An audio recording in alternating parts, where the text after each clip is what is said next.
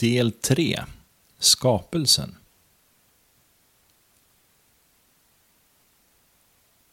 Det första jag vill ta upp när det gäller frågan om Guds frälsningsplan är också vårt riktmärke.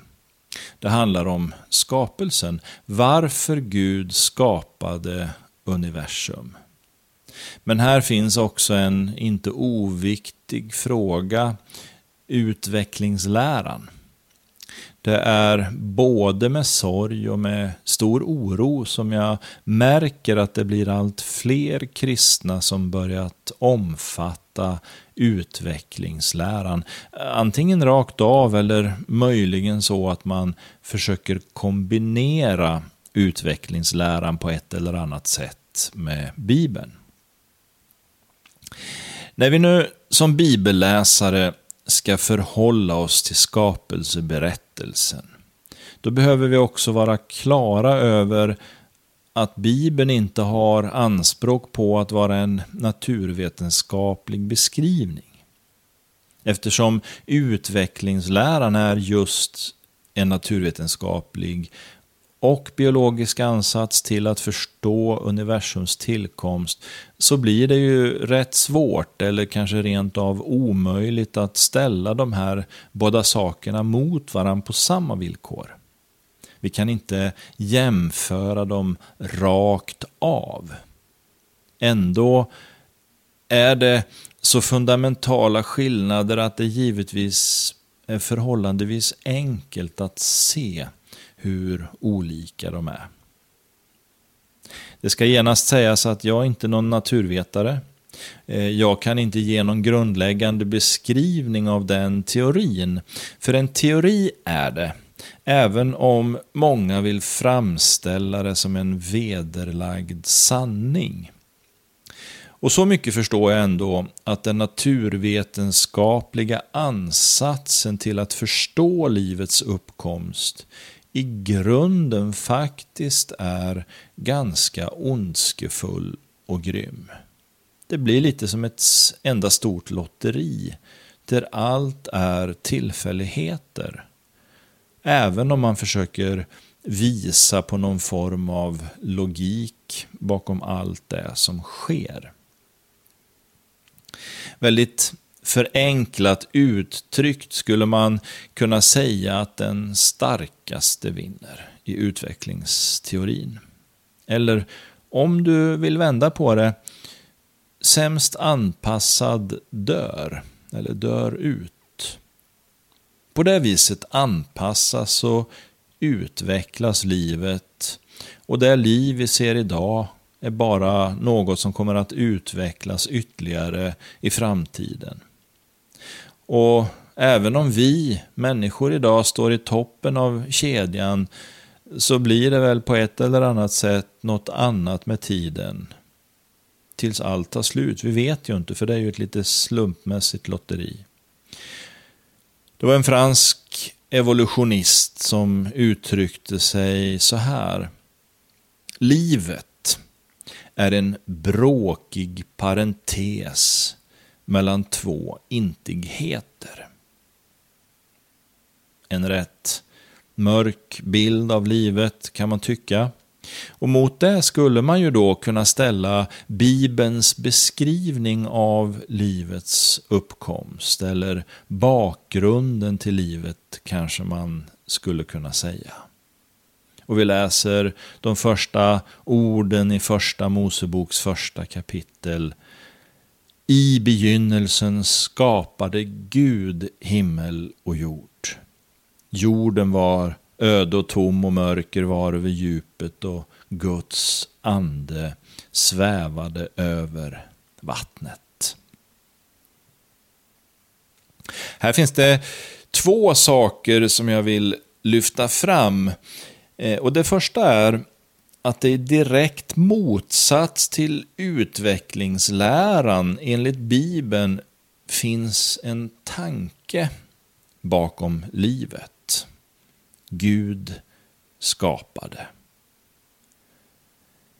Vi brukar tala inom teologin om creatio ex nihilo. Gud skapade ur intet. Före det skapade ordet fanns det ingenting och en tanke som inte ryms riktigt i vår tanke så lätt kanske när man tänker till. Poängen är att det finns en vilja till livet. Så det är ingen slump och det är ingen tillfällighet att det började, utan det finns en uttalad vilja bakom tillvaron. Det andra som är värt att nämna, det är det som jag kallar för den trinitariska tanken. Den hebreiska texten börjar med ordet bereshit, som inte bara betyder begynnelse, utan du har hört det tidigare, det betyder också genom förstlingen. Här finns också hela tanken med ordet som Johannes talar om i sitt evangelium. I begynnelsen var ordet och ordet var hos Gud och ordet var Gud. Och så landar han i den fjortonde versen i Johannes evangeliet som säger att ordet blev kött och tog sin boning ibland oss. Så när vi läser de första orden i skapelseberättelsen ser vi att den tanke som är livets ursprung finns hos Jesus, Guds ande och Gud. I begynnelsen, alltså genom förstlingen, skapade Gud himmel och jord och Guds ande svävade över vattnet i den här trinitariska tanken, ja den finns ju också med när vi kommer fram till vers 27 och 28 där Gud skapar människan i första Mosebok. Gud skapade människan till sin avbild. Till Guds avbild skapade han henne, till man och kvinna skapade han dem. Gud välsignade dem och sa till dem, var fruktsamma och föröka er och uppfyll jorden. Lägg den under er och råd över fiskarna i havet, över fåglarna under himlen och över alla djur som rör sig på jorden. Nu förs tanken ett steg längre. Det finns en tydlig skillnad i Guds vilja med skapelsen om vi jämför människan med resten av skapelsen. Vi förstår att människan har en särställning. Det är människan som skapas till Guds avbild med ett ansvar att förvalta jorden, att råda över det skapade. Men också, och det framträder i det tredje kapitlet, Gud var tillsammans med människan på ett unikt sätt.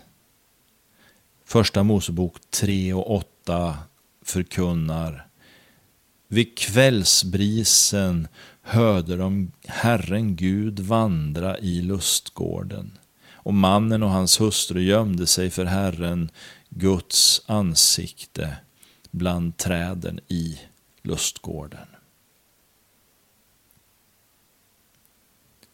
Det är givetvis en gissning från min sida, men mot bakgrund av Bibeln som helhet så tror jag ändå att det finns ett stöd för den tanken.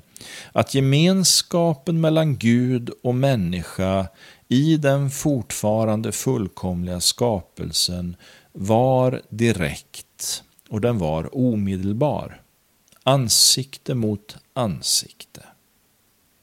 Paulus talar ju också om den här verkligheten i den nya skapelsen som en dag ska komma. Du känner igen orden från första Korintierbrevet 13. Nu ser vi som i en gåtfull spegelbild, men då i himlen ska vi se ansikte mot ansikte. Här förstår vi gemenskapen med de underbara orden vid kvällsbrisen hörde de Herren Gud vandra i lustgården.